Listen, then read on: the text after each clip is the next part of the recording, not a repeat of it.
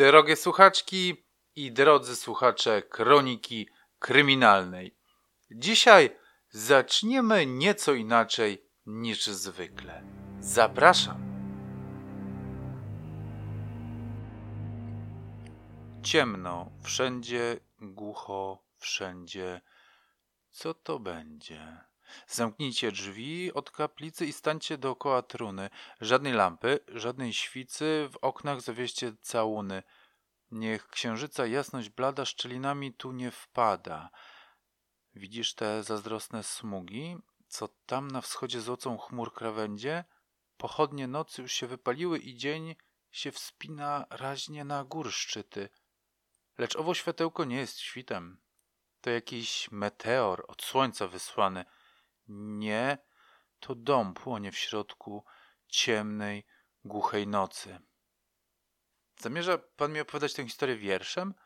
Zapytałem komisarza Bagietę, kiedy obaj siedzieliśmy w radiowozie przed lachnieńskim cmentarzem, popijając kawę z termosu. Potrzeba wam wiedzieć, że Bagieta nie akceptuje kawy na wynos, kawy w papierowym kupeczku, zaparzonej przez baristę, z mleczkiem, z pianką, nie będę płacił 15 zł na kawę, powtarza mi bagietak, kiedy chcę się zatrzymać w jakiejś kawiarni. Za 15 zł to mam pół kilo kawy, a nie parzę wcale gorzej od tych kapitalistów złodziei. I tak, kiedy mam dyżur z bagietą, pijemy jego kawę z termosu. Nie opowiadam ci wcale wierszem, oburzył się komisarz. Chciałem, żebyś wczuł się w atmosferę tamtej wiecznej i ciemnej nocy. Wystarczy, że wyjrzę za okno i już mam atmosferę. Powiedziałem z pewnym smutkiem, wiedząc, że jak tylko zjemy śniadanie, będziemy musieli wyjść z samochodu na zewnątrz, żeby zająć się ruchom samochodów chcących zaparkować w okolicach cmentarza. Nie ma w Lachnie chyba większej imprezy w ciągu roku, która przyciągałaby takie rzesze ludzi, jak właśnie ten tryptyk wszystkich świętych zaduszki i święto zmarłych. Plac wokół cmentarza wtedy zastawiony z autami na wiele kilometrów. Gospodarze użyczają nam swoich pól, żeby przyjezdni mogli tam zaparkować. Teraz nie było jeszcze samochodów, mrok poranka powoli ustępował i chciałem powiedzieć, że wschodziło słońce, ale niebo całe było zasłane tak ciemnymi i ponurymi chmurami, że żaden, choćby najmniejszy promień się przez nie nie dostawał. Czekałem tylko, aż zacznie się pić deszcz. Nie jakaś tam ulewa, tylko takie upierdliwe, jednostajne, monotonne kapanie, przypominające bardziej zraszacz w ogródku niż opad deszczu. Z dzieciństwa pamiętam te godziny spędzone nad grobami, na deszczu, w zimnie. Zawsze przemakały mi buty i miałem mokre skarpetki. Zawsze byłem przeziębiony po wszystkich świętych. Choć z największą radością wracałem wtedy do ciepłego domu babci, w którym napolone było już od samego rana. Siadałem wtedy do stołu i dostawałem talerz gorącego rosołu.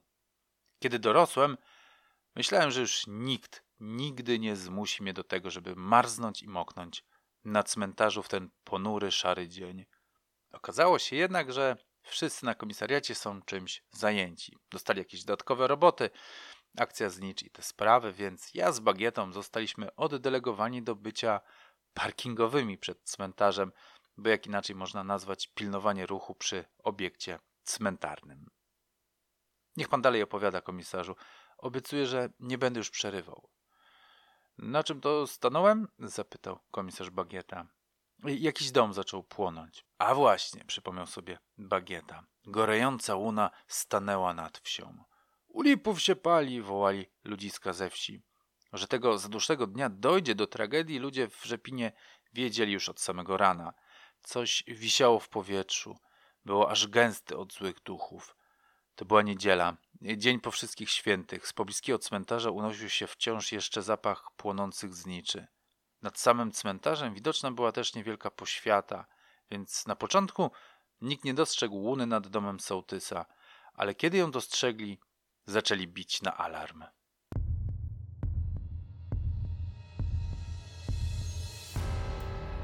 Ta historia wydarzyła się naprawdę.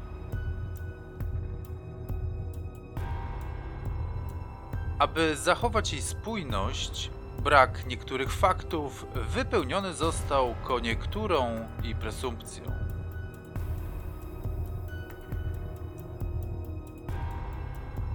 Nazywam się Tomasz Szczepański, a to jest Kronika Kryminalna.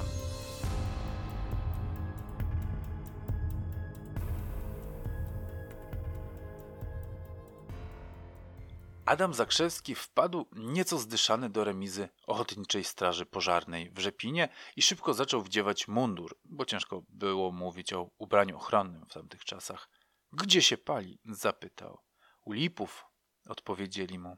Był środek nocy, ale każdy we wsi miał nadzieję, że płomienie obudziły lipów i rodzina zdążyła się uratować. Kiedy jednak strażacy dotarli na miejsce, a przed chatą stali tylko lamentujący gapie, zrozumieli, że będą wyciągać tylko ciała. Od razu przystąpili do akcji gaszenia. A kiedy pożar nie był już tak agresywny, kilku strażaków, w tym sam Adam, weszli do środka, aby wynieść z płonącego domu lipów, czy też to, co z nich zostało. Osmalone ubrania, jakieś rajstopy, piżamy. Po chwili przed chałupą leżała cała piątka ułożona jedno przy drugim, jak gdyby nadal spali. Aż dziw, że nie zbudził ich ogień, powiedział jeden z gapiów. Adam wzruszył ramionami. Jak sen dobry, to i ogień nie zbudzi, powiedział, podpalając papierosa. Strażacy kończyli przegaszanie, kiedy podjechała milicyjna nyska. Było już po czwarty nad ranem, ale wciąż jeszcze na niebie panowała ciemna noc. W słabych światłach samochodowych reflektorów można było dostrzec zmęczonego, niewyspanego prokuratora w szarym prochowcu. Z niesmakiem obejrzał się po okolicy. Zabierzcie mi stąd tych ludzi, powiedział do milicjantów, wskazując gapiów. Już pewnie zadeptali wszystkie ślady. Pan myśli, że to zbrodnia? zapytał młody milicjant, podając prokuratorowi zapalniczkę. Może ogień się sam zapruszył? Prokurator nie zdążył odpowiedzieć, kiedy z mroku nocy wyrósł za nim kapitan Dzięcioł z Komendy Wojewódzkiej Milicji Obywatelskiej w Kielcach. Był to postawny mężczyzna o twarzy naznaczonej wieloma latami pracy, z milicyjnym wąsem zasłaniającym mu usta. Kiedy mówił, wąs jego podskakiwał rytmicznie i prawie zabawnie, gdyby nie powaga kapitana i szacunek, jakim go wszyscy darzyli – był swoistą legendą w tej okolicy. Nikt nie równał się z nim w ilości zatrzymanych zbrodniarzy i rozwiązanych spraw. Facet od trudnej roboty, specjalista w rozwiązywaniu spraw trudnych i wielowątkowych, jak na przykład ta tutaj. Spójrz młody na twarz starego, powiedział do milicjanta, który podpalał prokuratorowi papierosa. Kapitan poświecił latarką na twarz mężczyzny. Widzisz te rany? albo w nocy walił głową w drzwi, albo ktoś mu pomógł. Widzę, powiedział młody milicjant. Towarzysz to ma oko. Ale najważniejsze są te spalone snopki siana pod oknami, pod drzwiami, dodał kapitan Dzięcioł, omiatając światłem latarki pojedyncze punkty, które wydawały się być najbardziej osmalone. Źródło ognia nie pochodzi z domu, ktoś to podpalił na zewnątrz, powiedział. Kapitan Dzięcioł miał absolutną rację. Po jakimś czasie jego wersję potwierdzili też technicy kryminalistyki, którzy badali to miejsce. Doszli jeszcze do wniosku, że sprawców musiało być kilku, co najmniej dwóch i wielce prawdopodobne, że znali układ pokoi. Inaczej ciężko by im było zaskoczyć całą rodzinę. Możliwe, że mieli też jakąś broń palną, ale jej nie użyli. Przedmiotami, którymi zadawali rany, była siekierka i mniej więcej 20-centymetrowy obosieczny nóż. Pytanie tylko, kto to zrobił i jaki miał motyw. Kapitan Dzięcioł rozważał głównie dwa motywy. Pierwszym, jak to w polskiej tradycji od co najmniej czasów Fredry, był motyw zemsty. Z racji pełnionych funkcji Władysław i Mieczysław mogli mieć wrogów we wsi. Hola, hola, komisarzu, wtrąciłem się, przerywając y, jego narrację. Jakich funkcji? Pan nic o tych lipach nie mówił. Jak to nie mówiłem? Nie mówiłem? Na pewno o lipach słyszałeś. Nie słyszałeś. No dobrze, to zacznę od nich. Lipów było pięcioro. Byli bardzo szanowaną rodziną we wsi. Od pokoleń Lipowie wygrywali wybory na sołtysa. Jeszcze przed wojną sołtysowali w Rzepinie, a nawet i wtedy, kiedy sytuacja polityczna się zmieniła, mieszkańcy wsi im ufali i wybierali na rolę sołtysa. Obecnie sołtysem był Mieczysław, 45-letni do niedawna kawaler. Mówię do niedawna, bo kilka tygodni przed tą tragedią wziął ślub cywilny z piękną młodą kobietą. Ale jako, że nie byli jeszcze zaślubieni w kościele przed Bogiem, traktowali ten okres jako narzeczeństwo i mieszkali osobno. To pewnie uratowało tę dziewczynę. Gdyby była wtedy u swojego męża. Tak, rozumiem, komisarzu, ale proszę do meritum. Nie potrzebuję całą biografii. Chciałem znać tylko kontekst. No przecież mówię kontekst, odparł nieco zniecierpliwiony komisarz Bagieta. Mieczysław był sołtysem. W domu mieszkała jego bratowa Zofia oraz bratanek Władysław. A brat? Zapytałem. Nie, nie wiem nic o bracie, odparł komisarz. Chyba był lekko wybity z tej swojej historii. Nie kojarzę go. Może umarł gdzieś na wojnie. Nie wiem, naprawdę. Na czym ja to skończyłem? Zofia z synem Władysławem, tak? No tak, tak. Była też żona Władysława, Krysia. Miała wtedy chyba 19 lat i co najsmutniejsze, była w ciąży. Młodziutka dziewczyna. Szkoda jej. No i była jeszcze babka, znaczy się matka Mieczysława Marianna. A ona to chyba miała z lat 80. A, ale miałem przecież mówić o motywie zemsty. Mieczysław, jak wspomniałem, był sołtysem, a Władysław przewodniczącym Gminnej Rady Narodowej, a miał dopiero 27 lat. Ponadto pracował w FSO w Starachowicach. Komisarz Bagieta zamilkł na chwilę i przyjrzał się mojej minie, nic nie kumam, i wyjaśnił mi, że skrót FSO to jest fabryka samochodów osobowych. Byli więc dość majętni jak na swoją okolicę, mieli pewnie dużo szczęścia, ludzie darzyli ich szacunkiem, a to wszystko w oczy kole.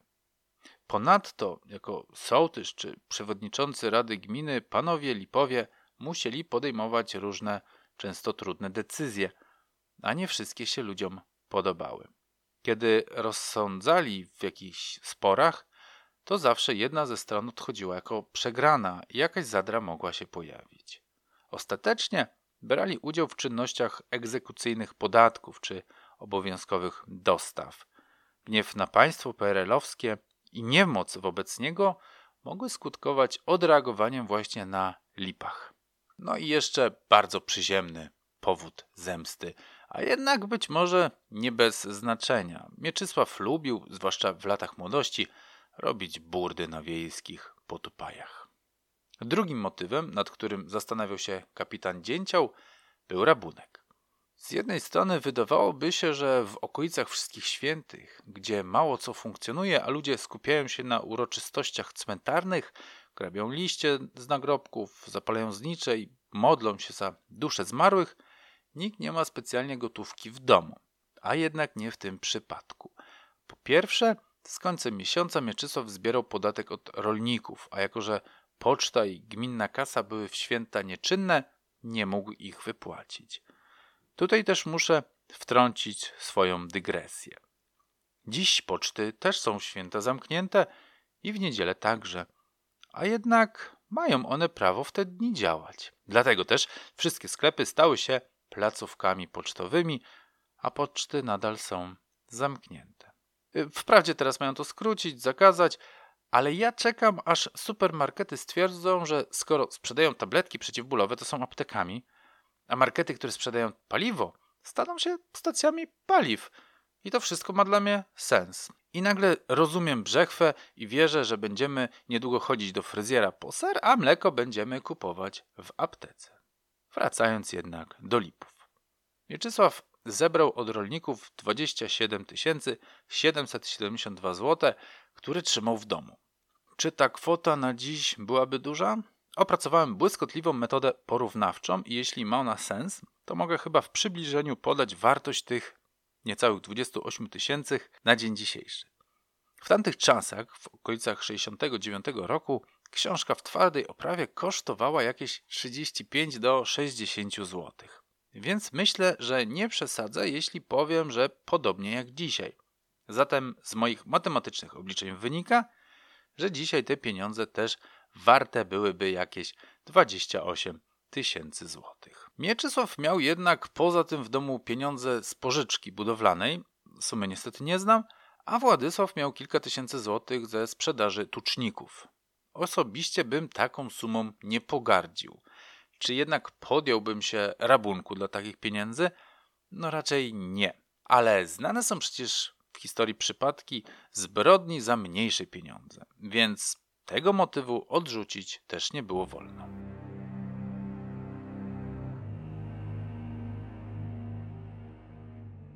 Śledczy zrekonstruowali wydarzenia, jakie miały miejsce w dzień zaduszny 1969 roku w Rzepinie. Była to niedziela, dzień po Dniu Wszystkich Świętych. Rano wszyscy udali się do kościoła. Po mszy świętej Władysław wraz z żoną Krystyną pojechali do rodziców Krystyny, a reszta lipów poszła na obiad. Po obiedzie Mieczysław musiał jeszcze pracować. To był ostatni dzień poboru podatków i spóźnialscy chłopi przychodzili jeszcze, aby uiścić opłatę.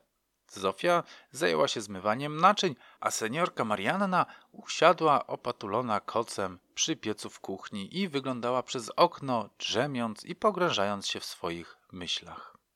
Około godziny 17 Mieczysław poszedł do sąsiada, aby odebrać od niego zaległą opłatę. Zamarodził tam trochę, bo sąsiad, wtedy jako jedyny w Rzepinie, miał odbiornik telewizyjny. No i postawił wódkę. Mieczysław umówiony był wtedy ze swoją młodziutką żoną u teściów, więc za długo nie mógł u sąsiada siedzieć, choć szkoda mu było porzucać i telewizora, i kolegów. Kiedy poszedł więc do żony, zaczął przebąkiwać, że to długi, ciężki dzień był i że jest chyba zmęczony. Żona przyjęła te słowa z ulgą, bo też była wyczerpana i położyła się z matką spać. Było po 21. O tej porze Władysław z Krystyną już dawno wrócili do domu. Babka spała, matka coś jeszcze cerowała. Ale wszyscy zbierali się już do snu. Tylko Mieczysław, pożegnawszy się z żoną, pobiegł nazad do sąsiada i kontynuował spożycie alkoholu wysokoprocentowego oraz oglądanie telewizji. Trwało to tak do 23. Zmęczony, lekko podchmielony, wrócił do domu i rzucił się na łóżko, zdjąwszy z siebie tylko buty. Zasnął natychmiast. Nagle w środku nocy coś go przebudziło. Nie był pewien, czy to sen, czy rzeczywiście coś się działo. Chwilę nasłuchiwał w ciemności, ale szybko zasnął. Po jakimś czasie znowu coś wyrwało go ze snu. Miał wrażenie, że pies szczeka. Odwrócił się jednak na bok i zakrył głowę poduszką. Po chwili znowu się przebudził, będąc święcie przekonanym, że słyszy krzyk Zofii. Usiadł wtedy na łóżku i próbował nasłuchiwać, ale Zofia już nie krzyczała. Kiedy postanowił się ostatecznie położyć, oślepiło go światło latarki, a po chwili poczuł silne uderzenia padające na niego ze wszystkich stron. Dawaj forsę, usłyszał głos, co do którego nie był pewien, czy go zna. Wydawało mu się nawet, że wtedy nagle wytrzeźwiał. Krzyknął, że nie ma, że wpłacił na poczcie, a wtedy uderzenia się nasiliły. Aż nagle przestano go bić. Zapadła cisza, z której wydobywał się jakby szept w izbie obok. Władek, pomyślał Mieczysław. Nie zdążył nawet krzyknąć, kiedy jeden z napastników wyskoczył do pokoju obok. Mieczysław usłyszał tylko odgłos uderzenia i kobiecy krzyk, który urwał się jak hejnał mariacki. Potem znowu zaczęli go bić i pytać o pieniądze. To chyba niekończący się ból sprawił, że Mieczysławowi wymsknęło się, że pieniądze są w sienniku matki. Któryś z napastników wybiegł, Mieczysław usłyszał uderzenie, jęk kobiety, a potem krzyk triumfu. Ostatnie, co zapamiętał, to uderzenie motyką w głowę.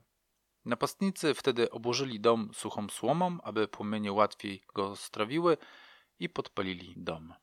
Kapitan Dzięcioł wszedł w tę sprawę nomen omen jak w dym.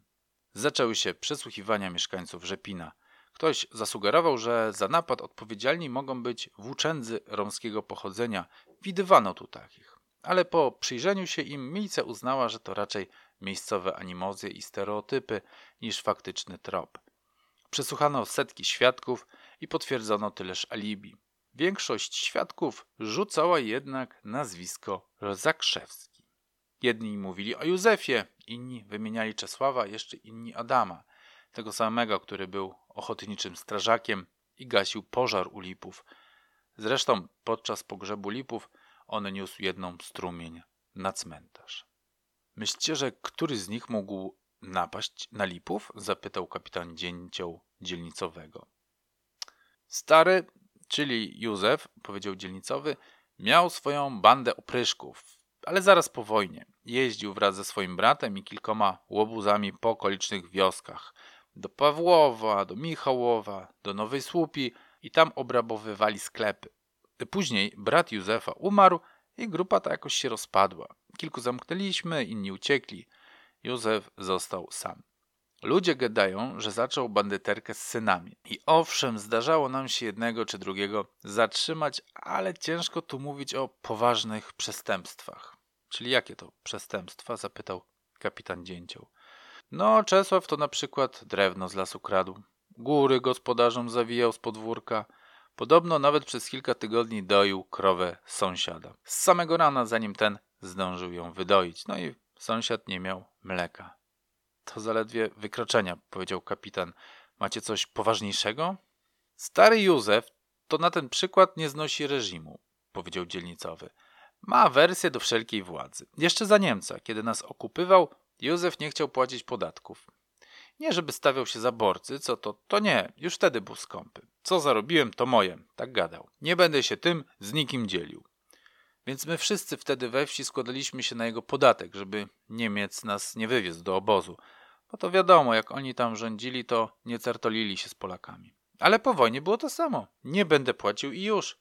Dostawał grzywny, ale ich też nie płacił. A na rozprawę sądową to się nawet nie stawił. Myślę, że on po prostu nie rozumie idei państwa, towarzyszu kapitanie. Wierzy może, że drogi się same pobudują, słupy elektryczne wyrosną z ziemi, a z nich jak pąki kwiatów rozrosną się druty z jednej wioski do drugiej. A szkoły to chyba ze czesnego będą się utrzymywać. Dobrze już, dość mi tej propagandy, towarzyszu. Powiedz mi lepiej, czy znajdziemy jakiś motyw. No raz, że podatku nie chcieli płacić, a to Mieczysław Lipa zbierał. No i wszystkie spory we wsi Lipowie rozsądzali na niekorzyść Zakrzewskich. O, i to mi się podoba, rzekł kapitan. Ale czy ja wiem, mówił dalej dzielnicowy, oni są brudni i agresywni, ale intelektem nie grzeszą. Ja myślę, towarzyszu kapitanie, że oni by tego napadu nie wymyślili. To bardzo prości, nieskomplikowani ludzie. Dać komuś w łeb na ulicy, o to tak, ale zaplanować napad? Towarzyszu sierżancie, ile ma towarzysz gwiazdek na pagonach? zapytał kapitan. A no właśnie, a ja mam cztery, więc może myślenie zostawimy mi, co? No dobrze, powiedzcie mi o tym najmłodszym, Adam, tak? Też ma jakąś teczkę? Tak, podobnie jak brat, drobne kradzieże, rozboje. Teraz aktualnie mamy go na dołku. Jak to na dołku? Aż krzyknął kapitan dzięcioł. Dawać mi go tu, byle szybko.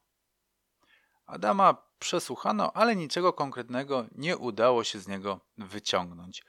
Milicja nie miała też twardych dowodów na rozbój, w związku z którym go zatrzymano, więc wyszedł na wolność. Po niedługim jednak czasie z państwowego lasu znikło drewno. Milicja nie zastanawiała się długo, tylko natychmiast zrobiła nalot na dom Czesława, w zasadzie na jego szopę, i odnalazła skradzione drzewo. Jako, że milicjanci wiedzieli, że Czesław do niczego się nie przyzna, wpadli na fortel. Wstawili mu do celi kapusia, agenta SB.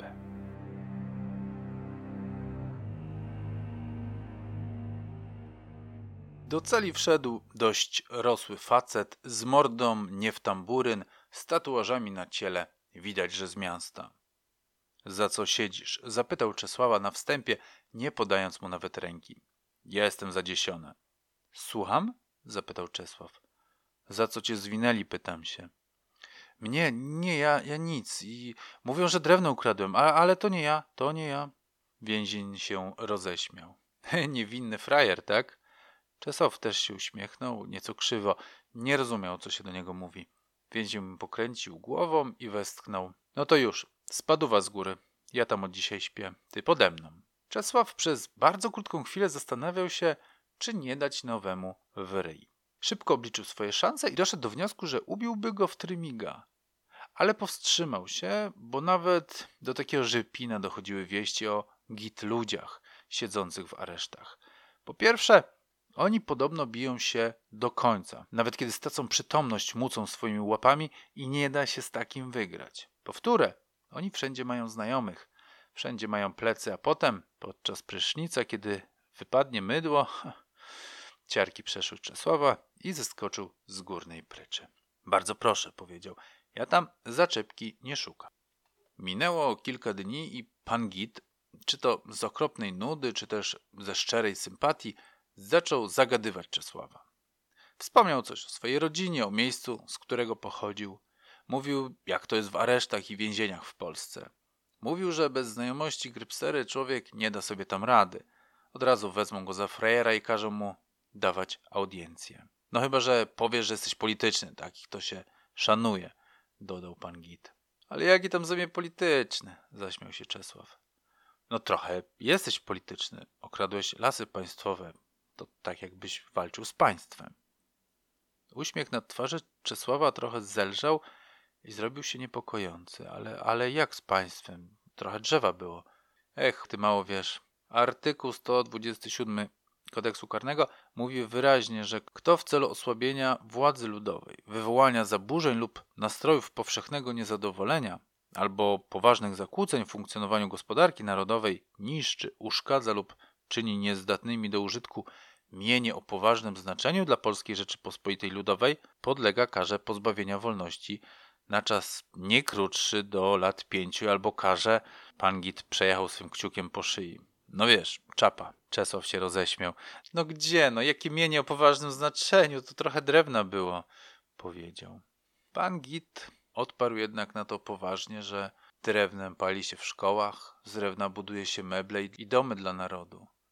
Na jego twarzy malował się jakiś przejmujący smutek. Wreszcie wstał, poklepał Czesława po ramieniu i bez słowa położył się na pryczy. Tego dnia już nie rozmawiali.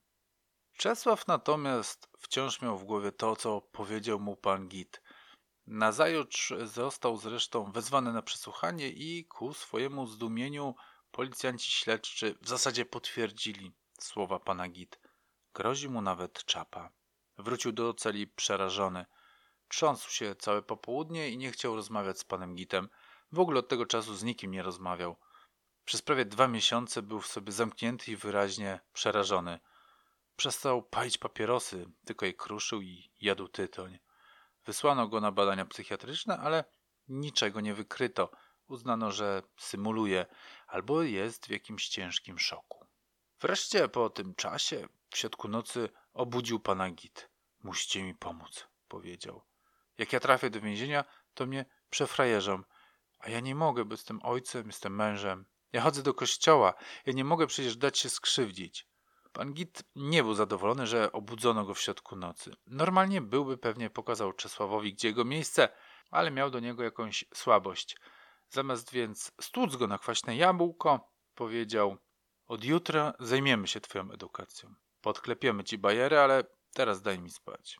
Nazajutrz pan Git postawił przed sobą Czesława i zaczął go edukować. Pierwsza i najważniejsza zasada, powiedział. Jeśli nie jesteś z miasta, to we więźniu nie masz życia. Jeśli nie grypsujesz, to koniec, chyba że jesteś polityczny. Tak, tak, to już wiem, jestem polityczny. Nie, Czesiu, to trochę za mało. To znaczy, dla sądu, żeby cię skazać, to starczy, ale na git ludzi to nie wystarczy. Musimy znaleźć coś poważniejszego. Ojciec podatków nie płaci, powiedział Czesław z nadzieją, ale pan Git się tylko zaśmiał. Kminili cały dzień, aż nagle pan Git powiedział: A ci Lipkowie? E, Lipowie, tak? sprostował Czesław. Co z nimi? Przecież to sołtysy były, powiedział pan Git, a jego oczy świeciły mu się z radości. No przecież, słuchaj, nie ma co uczyć cię bojery, bo to strata czasu i tak by się na tobie poznali, żeś frajer, ale uratuje cię wolna Europa. Czesław patrzył na pana Git z bardzo zbaraniałym wyrazem twarzy. Usta zastygły, lekko rozwarte, a osłupiałe ślepia drżały wlepione w pana Git.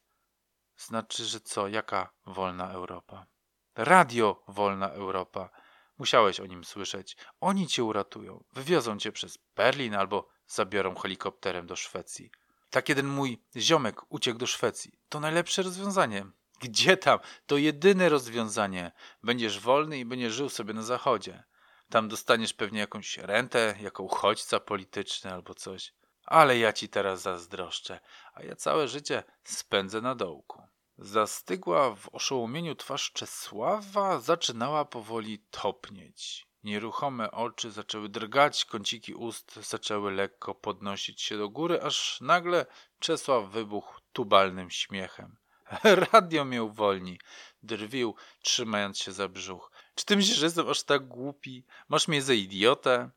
To debil, powiedział pan Git prokuratorowi Piotrowi Stanisławowiczowi tego samego dnia po południu. Siedzieli w jego gabinecie. przy ogromnym dębowym biurku. Prokurator podał panu Gitowi zagranicznego papierosa i przysunął płomień zapalniczki. No to mów, co masz. Pan Git, jak pewnie się domyśliliście, tak naprawdę nie był więźniem, był agentem, który miał wyciągnąć z Czesława przyznanie się do napadu na rodzinę Lipów. Urabiam go i facet jest nakręcony na ten wyjazd na zachód. Podpisze całe zeznanie, co tylko mu podsuniemy. Prokurator Stanisławowicz uśmiechnął się, szczerząc zęby i mrużąc oczy, schowane za szkłami okularów, w których odbijał się żar papierosa.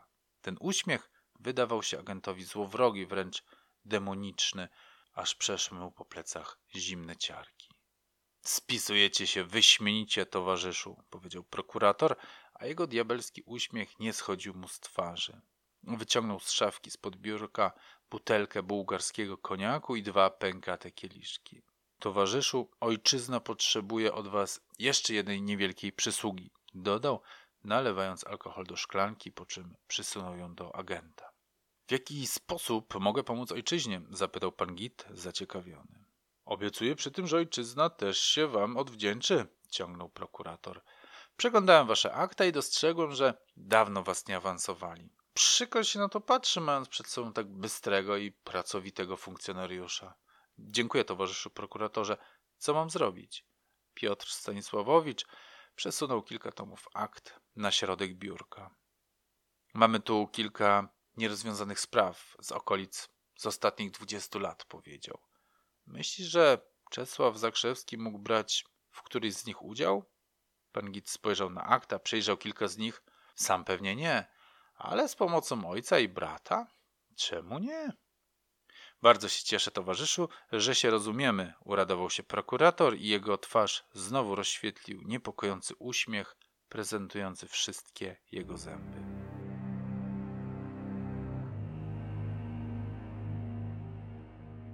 Jeszcze tego samego dnia w celi podszedł do pana Git Czesław. Przemyślał całą sprawę i doszedł do wniosku, że wiele nie ryzykuje. Jeśli za drzewo grozi mu czapa, to i tak gorzej nie będzie. Opisał więc w liście do wolnej Europy, nie bez pomocy pana Git, wydarzenia z tamtej nocy. Do mieszkania chcieli wejść przez okno w piwnicy, stamtąd na górę do kuchni, ale zanim się włamali, zaczął ujadać pies. Zamilkli więc, oczekując co się wydarzy, aż nagle drzwi do domu się otworzyły i na podwórko wyszła Zofia, bratowa Mieczysława, świecąc sobie latarką. Adam wstał, podszedł do niej za jej plecami i uderzył ją siekierką. Zabrał jej latarkę i weszli do mieszkania. Snop światła latarki padł na Mieczysława, który spał w izbie niedaleko drzwi wejściowych. Mężczyźni podeszli do niego i na raz zaczęli go okładać pięściami i latarką. Wciąż jeszcze pijany Mieczysław obudził się przerażony, sam nie będąc pewien, czy to pijacki koszmar, czy też gdzieś to na jawie. Dawaj forsę! krzyknął Czesław. Nie mam, wołał Mieczysław. Na poczcie wpłaciłem. Nic nie mam. Nagle usłyszeli za ścianą jakieś głosy. To Wiesiek, powiedział Czesław do brata. Adam nic nie odpowiedział, tylko pobiegł do izby obok i zanim Wiesław zorientował się, co się dzieje, Adam uderzył go siekierką. Jego młodziutka żona zaczęła krzyczeć w niebogłosy, ale bardzo szybko i ją Adam uciszył. Kiedy Adam wrócił do pokoju Mieczysława, tamten klęczał w kałuży własnego moczu i był blady jak ściana.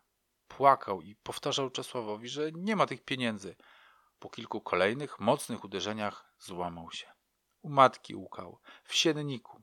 Podeszli więc do matki Włodzimierza, do osiemdziesięcioletniej Marianny, która obudzona, ale przerażona siedziała na swoim łóżku i rozglądała się nerwowo po pokoju.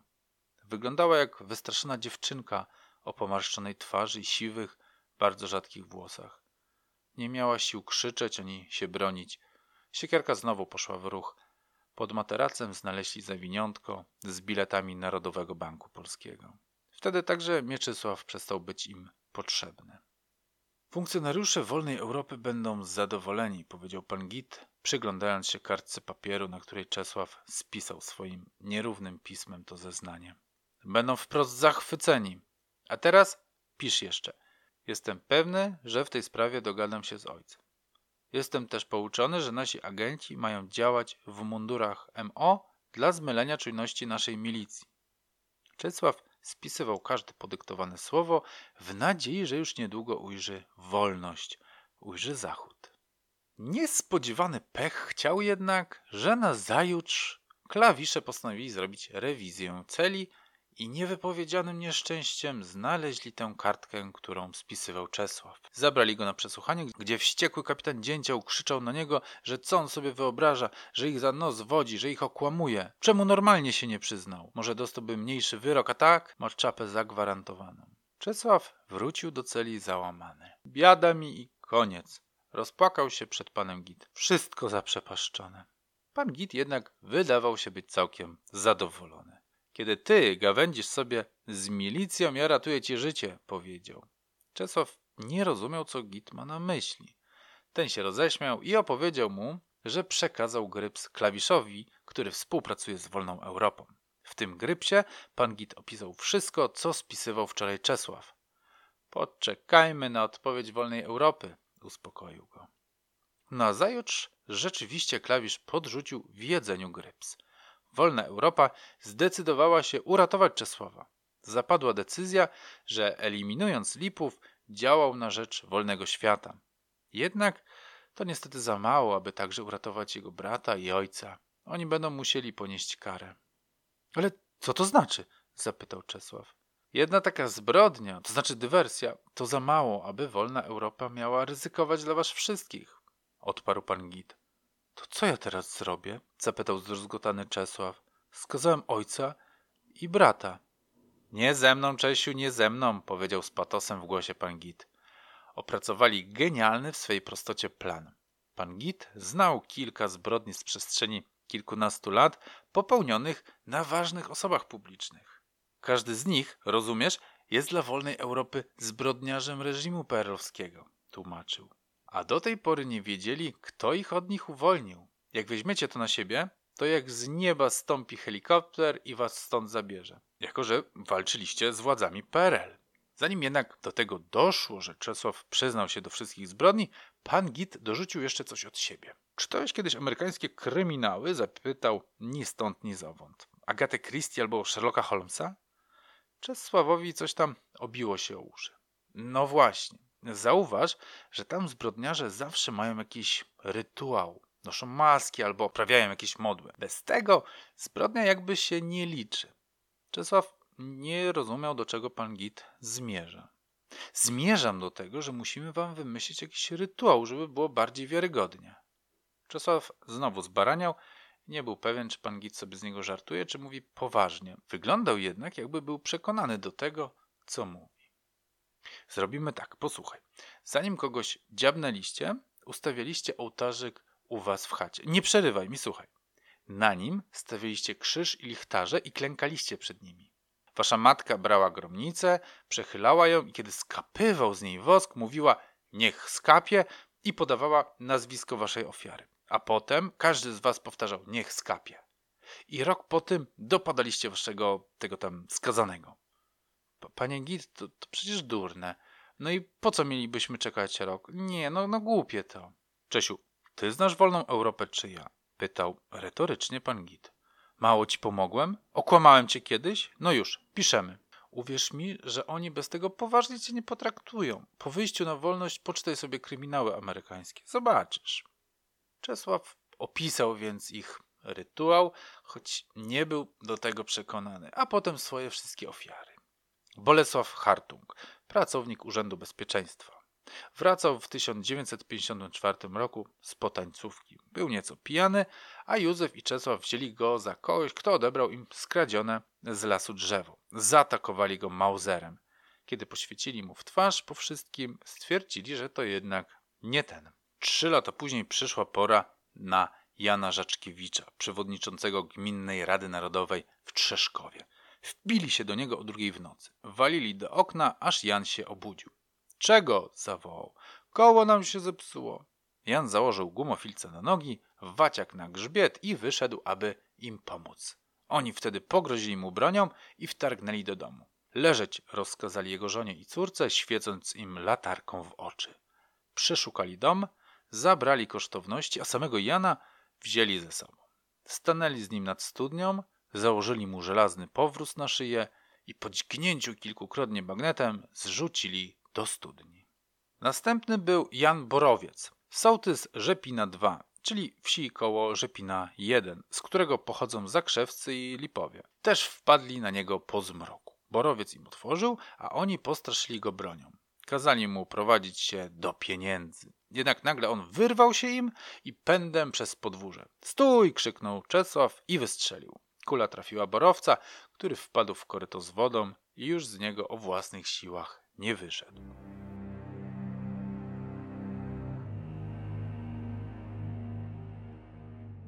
Kapitan Dzięcioł, czytając te wszystkie zeznania Czesława, balansował między euforią i zupełnym zdumieniem. Przecież to się kupy nie trzyma, wykrzykiwał raz po raz.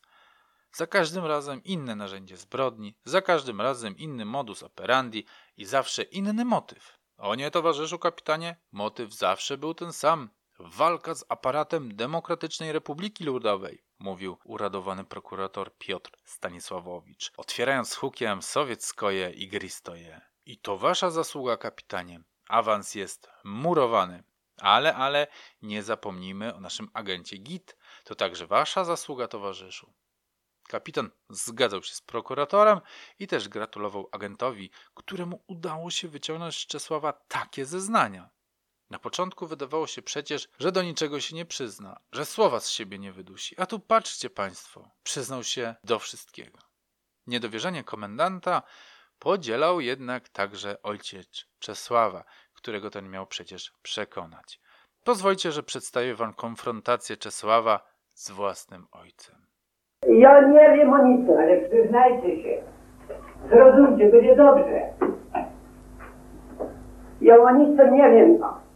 Dziecko, ja o nic nie wiem. A, jak to nie wiecie? Jak, jak, jak ja mówię do was, że się przyznajcie, to będzie dobrze. Ja o nic dziecko nie wiem. Ojej. Ja o nic nie wiem. Co ty, co ty mnie walasz, co ty chcesz ode mnie?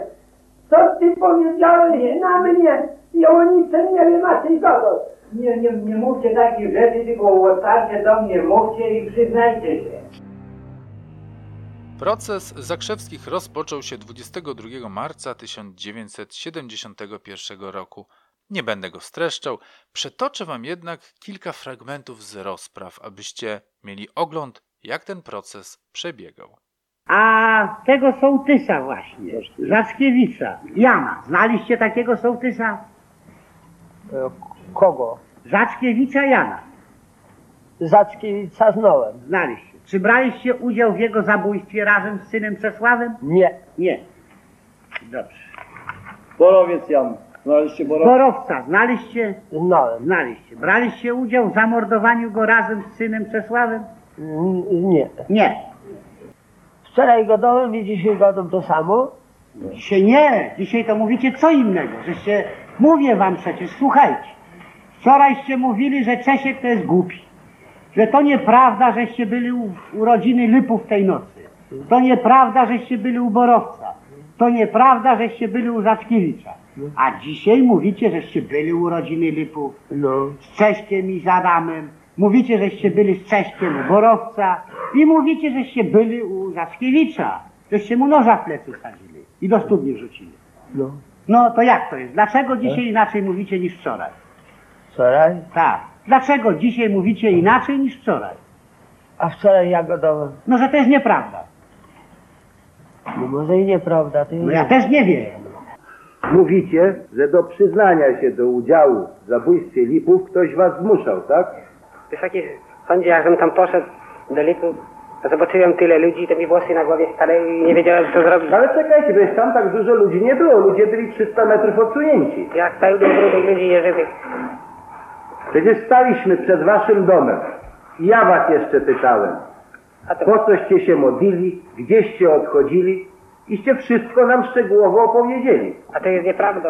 Nieprawdą. No dobrze, ale dlaczegoście kłamali? Wasz ojciec i wasz brat mówili coś innego. A to ja nie wiem, wysoki sądzie, z ludzi pogłupiały. Obaj powiedzieli, że byliście na podwórku Lipów. Nie byłem w życiu tam nigdy. Adam, tyś tak samo poszedł, tak jak krowa do szlachtuza z nami, bo nie chciał biedny chłopak dzisiaj łobzalo się płacze, niezmiernie płacę, żal mi boleje, wolę, winienem to winienem, przyznaję się, to dziecko niewinno i dzisiaj i u nas się tu znalazło, oj, dzisiaj poniewierany jestem na starość, o Jezus, Mario, co mnie spotkało, co ja se w życiu zasłużył, o Jezus, Proszę o spokój. kochany. Na marginesie dodam, że dziś będą dwa bonusy po historii właściwej. Jednak drugi bonus będzie niestety tylko dostępny na YouTube, bo będzie to bonus wizualny. Jak Czesław podczas przesłuchania zakładał kominiarkę. Więc nawet jeśli tylko słuchacie mnie na streamingach podcastowych, to moim zdaniem warto jest rzucić na to okiem, bo jest to poezja sama w sobie. Wpadnijcie zatem na te dwie minutki dosłownie na YouTube. Czesław zresztą do ostatniej chwili uwierzył, że wolna Europa go uratuje. Jest anegdotka z wizji lokalnej. Kojarzycie, że pan Git w celi opowiadał Czesławowi o helikopterze, prawda? Który przeleci go uratować. Posłuchajcie zatem. Czesław Zakrzewski święcie wierzył. Wierzył do końca. Nie wiem, czy nie do chwili wykonania wyroku. Wierzył, że jego wolna Europa obroni. I na przykład ubzdurał sobie, albo ktoś mu podpowiedział, może to drugie było w tym przypadku, że w czasie wizji lokalnej w lesie to agent z wolnej Europy będzie miał w klapie swojej marynarki kwiat i że pojawi się helikopter i że ten helikopter go wykradnie. Święcie uwierzył w to. Oczywiście, ponieważ się zwierzył, no to ubraliśmy pracownika operacyjnego w marynarkę z dziurką, w którą wetknięto mu duży czerwony kwiat. I to pasowało Zakrzewskiemu jak ulał. I o dziwo, kiedy zabieraliśmy broń z lasu i pokrwawione jego ciuchy w czasie wizji lokalnej, to nad nami u góry pojawił się helikopter. I to Zakrzewskiemu pasował jak sobie wyobrażał. No więc wierzył, że już go patrzeć jak do nieba pójdzie. Jak możecie się jednak domyślać, helikopter Czesława nie zabrał do nieba. Zabrał go do nieba jednak wyrok sądu z 28 czerwca 1971 roku. Zasądzono, że Czesław i Józef za popełnione zbrodnie dostaną najwyższy wymiar kary, a Adam 25 lat pozbawienia wolności. Wyroki na Czesławie i Józefie wykonane zostały w lutym 72 roku. Po kilku latach Adam dołączył do ojca i brata, ale na własnych warunkach, za pomocą podartego prześcieradła i krat w oknie celi. I to byłoby na tyle, ale jeszcze obiecany bonus, zwłaszcza dla znawców historii kryminalnych. Zastanawiacie się pewnie, dlaczego nie wspomniałem o sędzim W. Przecież on podobno Zakrzewskim pomagał przez te lata wymigiwać się od kar. Powiem tak, być może, a być może nie. Osobiście nie jestem co do tego przekonany. On mi do tej całej historii po prostu nie pasuje. Zresztą przedstawiona przeze mnie historia jest tylko jedną wersją wydarzeń i to zgoła niezgodną z oficjalną wersją. Mi osobiście wydaje się, że sędzia W był dla kogoś wysoko postawionego niewygodny. Ktoś chciał dać mu pstryczka w nos i wmieszał go w akcję z Zakrzewskimi. Nawet jeśli rzeczywiście im pomagał, to ze sprawą Lipów raczej nie miał nic wspólnego. Nie broniąc Zakrzewskich jako zbójów i bandziorów, uważam, że cała ta akcja była polityczna i służyła zamknięciu kilku ważnych dla prokuratora spraw, kilku śledztw.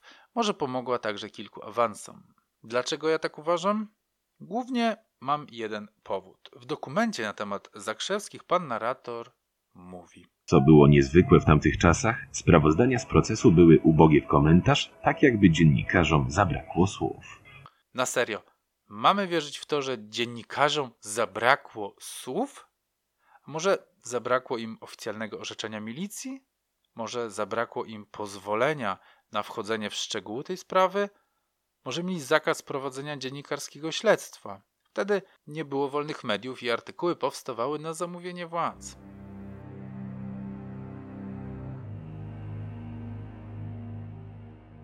Chyba czas już kończyć to najdłuższe zakończenie w historii. A zakończę oświadczeniem, że ja nie bazuję w tej historii na aktach ani na żadnych oficjalnych dokumentach, a jedynie opracowaniach. I to jest moja interpretacja tych wydarzeń. Swoiste what if. A co gdyby, a co jeśli. Mogę się zupełnie mylić w tej sprawie. Moją ambicją było przedstawienie czegoś oczywistego z nieoczywistego punktu widzenia. Ci, którzy mnie znają, to mnie znają i wiedzą, że tak robię. Ci, którzy mnie nie znają, nie ma co się na to obruszać. To nie jest kanał historyczny, nie jest to kanał stricte faktograficzny. To kanał fabularyzowanych historii o tematyce kryminalnej. Suche fakty znajdziecie w dziesiątkach innych podcastów. Mam nadzieję, że to jest git i że między nami jest sztama. Możecie więc ze spokojem zasubskrybować, dać lajka, napisać komentarz, bo nie zdradzacie umie swoich ulubionych twórców True Crime. Poszerzacie jedynie swoje horyzonty, a to nic złego. Pozdrawiam zatem wszystkich serdecznie. Życzę miłego Halloween, z zadumanych wszystkich świętych i jazzowych zaduszek. Nie rozumiem tego Halloween, powiedział Bagieta z niesmakiem, kiedy już kończyliśmy służbę przy grobach, widząc jak trzymające się za ręce rodziców dzieciaki pomykały w jakichś ciuchach z grafikami dyni, w kurtkach ze szkieletu, w czapkach ze skrzydłami nietoperza. Głównażeria wasza mać. Za naszych czasów to było jakoś inaczej. No cóż, nie ma co komentować. Komisarz Bagieta ma swoje indywidualne podejście do pewnych spraw i niech tak już zostanie. A dla najwytrwalszych mam konkurs bez nagród. Napiszcie, ile lat ma komisarz Bagieta. Jeśli dotrwaliście aż do tego momentu, kiedy to ja sam już zacząłem się nudzić i mi się język plącze, wpiszcie w komentarzu, ile lat waszym zdaniem ma komisarz Bagieta dzisiaj. Pozdrawiam ciepło i do usłyszenia.